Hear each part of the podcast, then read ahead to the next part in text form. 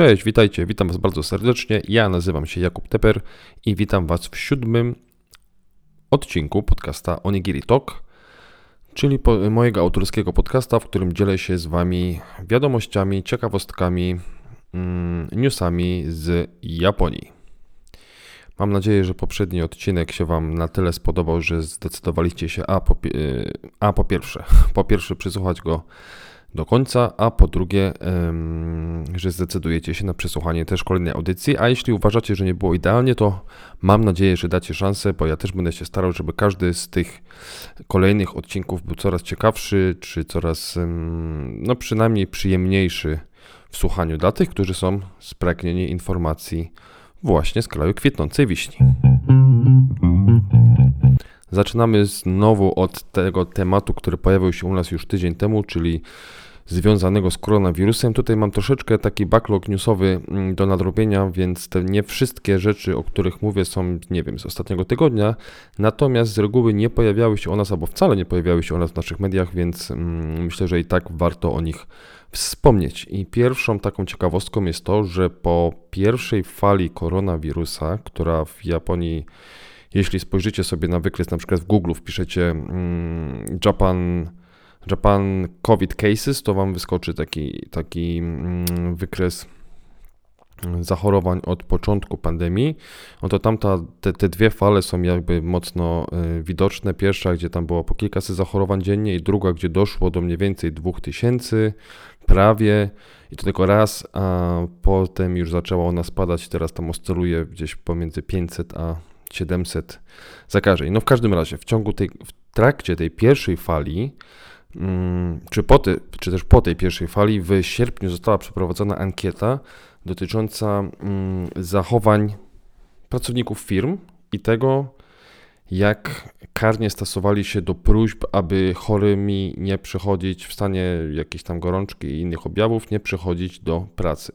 No i coś się okazało, że po przepytaniu gdzieś mniej więcej półtora tysiąca osób w wieku bardzo różnym. 60% e, osób nadal, będąc chorymi, chodziło do pracy z gorączką, z jakimiś tam dreszczami i z innymi e, tego typu e, objawami. No, na szczęście w Japonii okazało się, że nie wiązało się to z jakimiś sporymi sporymi wzrostami zachorowań, w zasadzie w ogóle nie wiązało się ze wzrostami zachorowań, wzrostami zachorowań, albo przynajmniej nie tymi odnotowanymi, no bo u nich nie robiło się aż tak wiele testów, natomiast no, ani szpitale nie były przeładowane, ani śmiertelność covidowa nie jest wysoka, więc zakładam, że, że tutaj nie było jakichś dramatów. Z czego to wynika, naprawdę trudno mi powiedzieć, no ale być może też z tego, że jeśli już e, ktoś się do pracy wybierał, no to pewnie cały dzień siedział w maseczce. Nie maseczce pod nosem, tylko maseczce prawidłowo założonej na twarz. Hmm, przestrzegał higieny, przestrzegał mycia, pukania ust, nie wiem, czegokolwiek, co tam można jeszcze robić, mycia rąk żeby nie zarażać innych. No i no nie jest to może dobry przykład i raczej nie sugerowałbym naśladowania y, tego zachowania. Natomiast pokazuje, że również Japończycy, którzy mają opinię bardzo karnego i takiego e, posłusznego społeczeństwa. Nie zawsze tacy są, to znaczy tutaj pewnie zaistniał taki konflikt pomiędzy y, słuchaniem y, tych nakazów z jednej strony, a pilnością, pracowitością z drugiej strony. No i w 60% w większości wygrała ta pracowitość. W drugiej wiadomości na krótko wrócić do tematu też sprzed tygodnia dotyczącego spadku ilości turystów, którzy się do Japonii wybrali. W lipcu było to 3800 osób. I to i tak wzrost w stosunku do maja czy czerwca, gdzie tych osób było mniej, bo było to 1000 z kawałkiem czy 2000 z kawałkiem. Więc no te ilości są śmieszne. Yy, tak naprawdę i oficjalny odnotowany spadek to jest 99,9%. Procenta. Yy, co ciekawe, w lipcu dla porównania w Chinach znalazło się tylko 800 turystów, w Wietnamie 600, w Korei 300, a w Stanach, w Ameryce 400, według tych danych, które tutaj mam, co jest dosyć interesujące, bo wydawałoby się, że pomimo tej całej sytuacji, no w lipcu była dramatyczna, co prawda, ale no nadal, że tych turystów będzie więcej, a 400 osób to jest jakaś absurdalnie niska liczba, tak mi się przynajmniej wydaje. Wielu z Was kojarzy zapewne zupki z Radomia, tak u nas nazywane i niektórzy pewnie wiedzą, że ja ze swojej strony akurat jestem ich e, gorącym zwolennikiem, znaczy niekoniecznie tych z Radomia, czy niekoniecznie Wiefonu, ale generalnie zupek instant, bo uważam, że to jest świetna baza do jedzenia, e, do przygotowywania sobie w ogóle super dania i tak dalej. A jedną z firm, która zapoczątkowała, nie wiem, być może w ogóle zapoczątkowała, bo tego tematu akurat nie sprawdziłem, jest firma Nissin z Japonii i oni są producentem e, tych słynnych cup noodle, czyli tych, taka najbardziej e, kultowa, czy też podstawowa wersja tych mm, zupek z makaronem, którą w wielu filmach, czy w wielu anime mogliście, czy mangach na pewno zobaczyć. No i firma e, Nissin osiągnęła kolejny taki no, milestone, powiedzmy, sprzedażowy, jeśli chodzi o ich zupki, bo E, przebili e, poziom 100 miliardów. 100 miliardów sprzedanych zupek, licząc od powstania firmy, czyli od 1971 roku, czyli zajęło im to 49 lat, czyli na 10 lat sprzedają mniej więcej 20 miliardów zupek. Wydaje mi się, że to jest to całkiem dobry wynik. Sam też e, zupki z Nisina uwielbiam, jadłem je wielokrotnie i gdyby były szerzej dostępne u nas, to też bym je chętnie kupował. Natomiast no tutaj mamy problem z dostępnością. Akurat w Polsce i przynajmniej póki co. Natomiast tak czy owak dla firmy Nissin przepotężne gratulacje. I zostajemy też przy Nissinie, bo kolejna ciekawostka jest taka, że firma ta wymyśliła nudle, e, zupę w kubku dla kosmonautów. Okazuje się, że tutaj oni standardowo tej samej wersji, którą my jemy zalanej wrzątkiem jeść nie mogą z, przypuszczam powodów rozmaitych, szczególnie dlatego, że to jedzenie kosmonautów chyba one jest wszystkie takie szczelnie e, pozamykane ze względu na panujące warunki w kosmosie ale nie było to przeszkodą dla Nisina, więc wymyślili takie zupki w takich właśnie opakowaniach foliowych, zamknięte z takim dzióbkiem, słomką, w zasadzie nie wiem jak to nazwać, chyba bardziej słomka. E, I e, zamiast musieć zalewać je wodą o temperaturze 100 stopni wrzątkiem, można je zalać temperaturą 70 stopni, wodą o temperaturze 70 stopni, która podobno na tych stacjach kosmicznych jest dostępna w 70 właśnie, a nie w 100 stopniach. Do tego zrobiono grubszy makaron, gęstszą zupę, żeby podobno łatwiej się to w kosmosie jadło i w ten sposób e, zupki te trafią też do stacji kosmicznych, co jest swoją drogą właśnie ciekawe, że tego typu innowacja wyszła z Japonii, a nie skąd indziej, bo od razu też na myśl mi przychodzi taka marka odzieżowa Uniqlo, nie wiem czy ją kojarzycie, bo w Poznaniu, znaczy w Polsce nie ma ani jednego sklepu stacjonarnego jeszcze, najbliżej jest w Berlinie, tak mi się wydaje, znaczy w Berlinie jest, myślę, że nic bliższego nie ma. E, natomiast to nie jest aż tak szalenie popularne w Europie, natomiast można też zamawiać online, można zamawiać do Polski mm, z wysyłką mm, rzędu, kosztem wysyłki rzędu 3,5 euro, także śmiesznym. Dlaczego o nich wspominam? Wspominam dlatego, że Uniqlo to jest też taki fast fashion, którym w teorii moglibyśmy porównać do Inditexu, czyli tam to Zary i tych wszystkich marek, czy do H&M-u.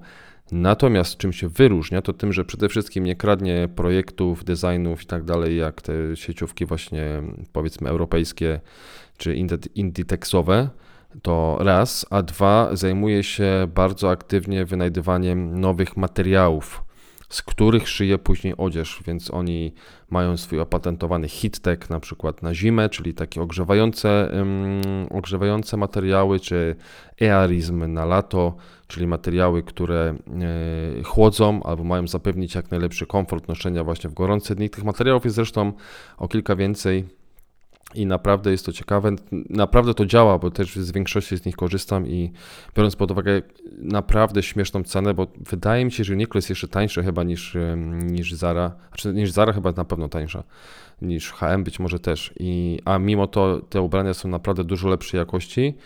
No właśnie, no i to pokazuje, że te firmy z Japonii, pomimo tego, że w teorii są w tym samym segmencie, to tak naprawdę nadal starają się bardzo um, nadać jakiś ton innowacyjny też tej swojej działalności, a nie tylko zajmują się kopiowaniem innych, jak e, ich konkurencja zagranicy. No i tutaj Nissin zadziałał podobnie, to znaczy nie robi po prostu zupek, ale też wymyśla, nawet jeśli to są PR stanty, tak, no szczególnie w przypadku takiej zupki w kosmosie, to można powiedzieć, że jest trochę PR stand, no bo ile osób będzie w stanie ją spróbować? Bardzo niewiele.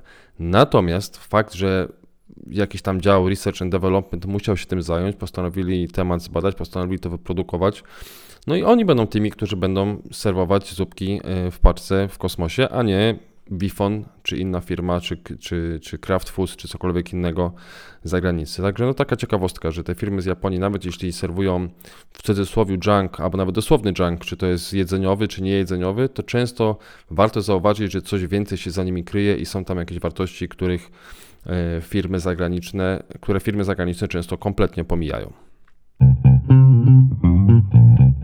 A jak jesteśmy przy ramenach, to przy tym temacie troszeczkę zostaniemy, ponieważ czasopismo Ramen Walker, czasopismo i strona internetowa też wraz z TripAdvisorem, który jest pewnie Wam bardziej znany, wypuś wypuścili już książkę po angielsku, um, którą można kupić na japońskim Amazonie za 1800 jenów i linka do tej książki wrzucę w opisie podcastu. 1800 jenów, czyli gdzieś e, no, 6 dych. Um, jest to kilkaset stron na temat najlepszych rameni w Japonii. W związku z czym, co prawda teraz jeszcze do niej pewnie nie polecicie, ale jako przygotowanie do wyjazdów, nie wiem, na przyszły rok na przykład, to wydaje się doskonałym zakupem. Tym bardziej, że książka jest też po angielsku, więc będzie nam dosyć łatwo się w niej odnaleźć. Mamy tam zdjęcia z knajp, mamy adresy, mamy e, też podane, e, mamy też komentarze osób, które zajmują się zawodowo jedzeniem ramenu i ocenianiem tych ramenów, także myślę, że można się sporo dowiedzieć. Zresztą też wrzucę tutaj linka e, pod podcastem, żeby przejrzeć sobie pierwsze kilkanaście stron tej książki. Jeśli wyrazicie zainteresowanie, to myślę, że warto się e, zdecydować. A chciałbym wrócić jeszcze, bo nie wiem do końca, czy to wybrzmiało w temacie samego Ramen Walkera i czasopisma, to znaczy e, w Japonii jest czasopismo i to więcej niż jedno, które zajmuje się opisywaniem knajp z ramenem i recenzowaniem tych ramenów. Co jest o tyle ciekawostką, że no pokazuje sam rynek ramenów, ale nie tylko zresztą, bo mamy też inne dania, czy specjalistów z innych dań. Jest na tyle w Japonii bogaty, że warto na ten temat pisać, warto na ten temat prowadzić programy telewizyjne, bo i też takie się znajdują. Tylko o jednym daniu w ogóle z naszej perspektywy wydaje mi się, że to jest jakiś taki mind-blowing straszny, no bo mm, nie spotkałem się z programem telewizyjnym, gazetą, czasopismem, czymkolwiek, co by było w stanie porównać, chociażby, dobra, porównajmy pięć e, najlepszych schabowych, tak, czy niech będzie jakieś danie, które jest polskie, no bo chociaż nawet niekoniecznie, no bo czy jest pismo poświęcone pizzy, albo czy jest jakieś nie wiem, jednorazowe wydanie specjalne, chociaż które by starało się odpowiedzieć, to słuchajcie, tu macie 150 pizzerii i my we wszystkich ich zjedliśmy i uważamy, że to jest super, to nie jest super. No nie ma czegoś takiego w ogóle. U nas nie ma też kultury tego, nie można znaleźć tego ani w internecie za bardzo, ani w prasie papierowej to już w ogóle. Więc to też taka ciekawostka, że ten rynek, który się tak sam napędza w Japonii, on działa bardzo, bardzo skutecznie i rzeczywiście można sobie po prostu pojechać do Japonii, spędzić tam tydzień, miesiąc albo równie dobrze pół roku i może to być tylko i wyłącznie wycieczka ramenowa, y, gdzie będziemy codziennie jedli ramen, codziennie ramen w innym miejscu, mm, czy kilka razy dziennie, jak to woli, bo tych miejsc jest naprawdę cała masa, każde jest inne, każde się czymś różni albo czymś wyróżnia, co jest charakterystyczne tylko dla tego miejsca. Wiadomo, jedne są lepsze, drugie są gorsze, to jest oczywiste, ale no samo bogactwo rynku, zarówno jeśli chodzi o ramen, ale nie tylko, jest po prostu niesamowite. Także tak czy owak, y, polecam zapoznać się z tematem, nawet jeśli nie nabędziecie książki, to chociażby przeglądając sobie Ramen Walker czy inne y, strony poświęcone ramenowi w Japonii czy innym daniom, żeby zobaczyć jak bardzo bogaty i ciekawy jest to rynek. Krótkich wiadomości ekonomicznych mam takie zestawienie firm, które posiadają największą ilość gotówki w Japonii e, i jest to zestawienie firm ze wszystkich branż, także to nie jest tak, że jakiś konkretny sektor jest tu reprezentowany tylko. E, natomiast dotyczy to oczywiście firm, które są notowane na giełdzie i nie firm w 100% prywatnych, no ale zakładam, że tutaj większość tych największych na giełdzie notowanych jest. I co ciekawe, numerem jeden w Japonii, jeśli chodzi o ilość posiadanej gotówki, jest Nintendo, czyli ten producent gier, y, konsol i tak dalej. Myślę, że nie trzeba nikomu go przedstawiać. posiadają obecnie 8 miliardów 900 milionów dolarów, mniej więcej w przeliczeniu na dolary, także kwota no, niebagatelna. I co ciekawe, jest to jedyny w zestawieniu w top 20 producent z tego sektora, powiedzmy, bo mamy dalej firmy chemiczne, ubezpieczeniowe, budowlane, elektroniczne, ale już nie zajmujące się taką e, rozrywką czy też elektroniką użytkową, ale bardziej profesjonalną typu Keyence, który robi wiele profesjonalnych maszyn, czy tam pomiarowych i tak dalej, czy Omron na przykład, który produkuje mm, czujniki, ale też nie tylko. Także yy, no, Nintendo tutaj się wybija zdecydowanie in plus. I na końcu taka trochę smutna wiadomość, bo pojawił się ranking, ranking, no ranking w zasadzie UNICEF-u, y, jeśli chodzi o szczęście dzieci. Szczęście dzieci wśród krajów e, rozwiniętych OECD. Tutaj mamy 38 krajów, które brały w tym udział. I jeśli chodzi o generalnie o szczęście dzieci, czyli tak patrząc całościowo, no to Japonia tutaj plasuje się na 20 miejscu na 38, więc jest w środku stawki ale warto zajrzeć w detale. I teraz, jeśli chodzi o takie zdrowotne szczęście, czyli zakładam, że mówimy tutaj o służbie zdrowia, o tym, jak dzieci są zaopiekowane w szpitalach i tak dalej, to jest na miejscu numer jeden na świecie. Także ich służba zdrowia rzeczywiście stoi na wysokim poziomie. Natomiast to jest, wydaje się, zatrważające, to to, że jeśli chodzi o zdrowie psychiczne dzieci, czyli to, jak się realnie czują na co dzień, zakładam, Tutaj Japonia jest na miejscu 37 na 38, czyli prawie na samym końcu. Z czego to wynika? Tego niestety w tym badaniu, do którego mam dostęp, y, nie jestem w stanie wyczytać. No, ze swojej strony mogę tylko przypuszczać, że może chodzić innymi o jakąś może presję rówieśniczą, o to, że, że dzieci starsze, młodsze, tak naprawdę starsze młodzież mają dosyć mocny ciąg na to, żeby, czy mocne parcie na to, żeby dostać się do, na dobry uniwersytet, na, mm, żeby zapewnić sobie dalej dobrą przyszłość, więc uczą się dosyć sporo za młodu. Dopiero na uniwersytecie właśnie, jak już się na studia zda, to wtedy jest takie wyluzowanie, ale wcześniej jest chodzenie do szkoły, po szkole jest chodzenie na zajęcia dodatkowe, co często, mm, co takie jest oklepane, że niby chodzą, no ale chodzą, tak, tak naprawdę są i zajęcia lekcyjne, są zajęcia pozalekcyjne w szkole i tutaj mamy te bukatsu, czyli bardzo często, albo najczęściej w zasadzie te zajęcia sportowe, o których są, e, o których jest wiele anime, które na, na których na pewno, e, które na pewno oglądacie. E, a poza tym jeszcze są te szkoły dodatkowe, gdzie no tak naprawdę korepetycje takie, tak? Gdzie się chodzi, żeby nadrobić materiał, czy żeby nauczyć się czegoś ekstra z matematyki, fizyki, czy jakichkolwiek innych przedmiotów, które są potrzebne akurat, żeby dostać się na te wymarzone albo też wybrane przez rodziców studia. Także e, więcej, szczerze mówiąc, mi tutaj do głowy nie przychodzi, no bo nie wiem, z czego to mogłoby tak do końca y, wynikać. W każdym razie, jak byłem młodszy i dużo młodszy, tak sobie zawsze myślałem, że ale byłoby fajnie, gdybym chodził do japońskiej szkoły jako młodzieniec w tych mundurkach, ich, które mi się bardzo podobają. Y, I i przeżył te wszystkie historie takie, które wyglądałyby zupełnie jak w magach i anime, ale okazuje się, że Niekoniecznie byłoby to najlepsze wyjście, bo może byłbym bardzo nieszczęśliwy, a mieszkając tutaj, gdzie mieszkam, e, jako dziecko byłem całkiem szczęśliwy. I to już wszystko w siódmym odcinku o Nigiri Talk. Miało być krócej, jak zwykle nie wyszło. Ilość newsów oraz moje gadulstwo e, wyniosło długość tego odcinka, w zasadzie jeszcze chyba minutkę czy dwie więcej niż poprzedniego. Mam nadzieję mimo wszystko, że nie było zbyt nudno i że y, podcast Wam się podobał i zasubskrybujecie go, co, do czego gorąco e, zachęcam w dowolnej usłudze, gdzie podcast jest dostępny. Przede wszystkim na SoundCloudzie i Spotify'u obecnie. Myślę, że tam najłatwiej się do niego dostać. Także zachęcam do subskrypcji, żebyście na pewno nie pominęli kolejnego odcinka. I jak zawsze jestem otwarty na sugestie, pomysły, yy, pytania, które byście mieli, żeby na nie odpowiedzieć, bądź też wzroszyć życie. Jakieś pomysły, które usprawnią naszą audycję. Dziękuję bardzo zatem za wysłuchanie i do usłyszenia za tydzień. Na razie, cześć.